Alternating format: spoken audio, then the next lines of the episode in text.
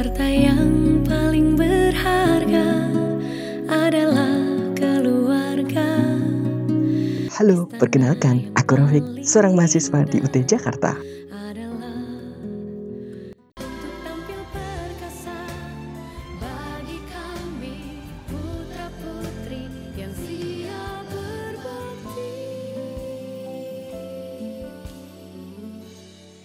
Wow, pas bener nih lagunya. Kira-kira gimana ya caranya aku bisa punya keluarga yang kayak gitu? Kayaknya sih asik deh.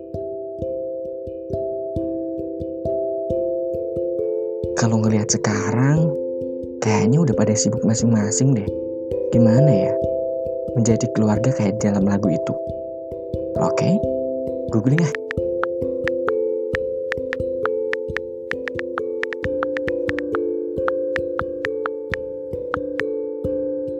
Keharmonisan di ruang digital.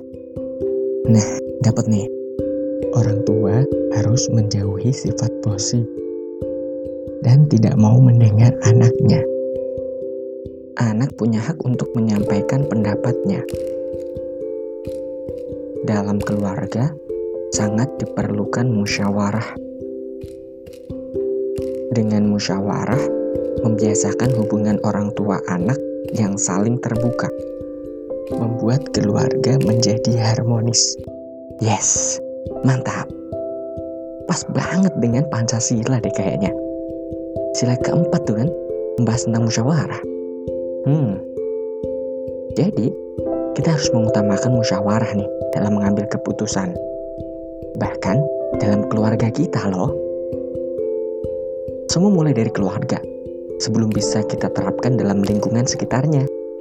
Cara ini saling terbuka, mau mendengarkan, menghargai, dan musyawarah termasuk cara agar kita dapat menjadi keluarga yang harmonis.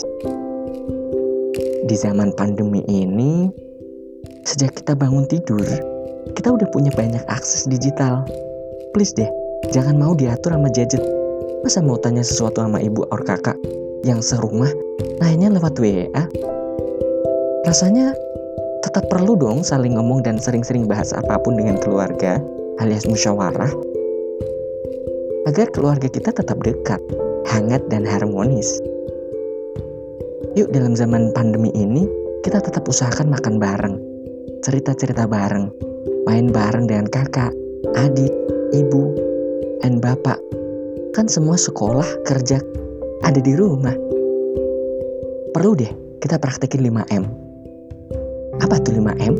Oke, kita uraikan. Satu, menjalin komunikasi dua arah, termasuk tentang gadget dan internet sehat. Kita, orang tua atau wakil orang tua, perlu membatasi internet anak, juga memberitahu anak situs dan tayangan yang diperbolehkan. Ajarkan untuk lapor jika mendapat ancaman atau pelecehan di media sosial. 2. Membatasi akses digital agar anak hanya dapat akses link-link tertentu. Gunakan parental guidance atau ikuti panduan Kominfo tentang ini. Juga buat aturan, misal tidak boleh main gadget saat makan bersama, saat berkumpul keluarga, atau saat akan tidur. Yang ketiga, mengatur batasan screen time. Batasi jumlah jamnya. Di luar jam belajar online anak atau SFH, setidaknya bisa menggeser pandangan setiap 20 menit sekali agar terhindar dari kejang otot mata. 4. Memantau. Di setiap media sosial atau digital, terdapat pengaturan untuk orang tua dan anak. Itu bisa digunakan untuk memantau manakah situs atau konten yang boleh dilihat dan yang tidak. Perlu dipantau agar bisa melihat konten atau hiburan yang sesuai. 5. Menyeimbangkan. Menyeimbangkan kegiatan online dan offline anak agar anak tetap banyak main, bergerak, berteman, dan otot motoriknya juga terlatih. Pada dasarnya, digital tuh menyediakan banyak banget informasi, edukasi, pendapatan, maupun hiburan. Seperti pisau, internet banyak manfaatnya, namun juga ada bahayanya. Kita, keluarga, anak-anak, teman, perlu saling mendidik agar pandai menggunakan internet. Tidak perlu suuzon di antara keluarga. Kita bisa saling mengajarkan agar pintar dan bijak dalam menggunakan internet. Bagi anggota keluarga yang senior, perlu untuk belajar seputar digital, biar nggak ketinggalan. Kita jadi bisa temani anak-anak belajar, ngobrol, nyanyi sama-sama. Nggak perlu gengsi kok belajar sama yang muda. Gaptek itu biasa, semua bisa belajar. Ini mah soal kemauan aja, karena belum biasa. Bagi keluarga yang muda, bisa mengajari yang di atasnya. Kalau melek digital semua kan jadi aman, nggak ada suuzon yang digaungkan. Sehingga dalam keharmonisan di ruang digital, kita merasakan di rumah yang nyaman.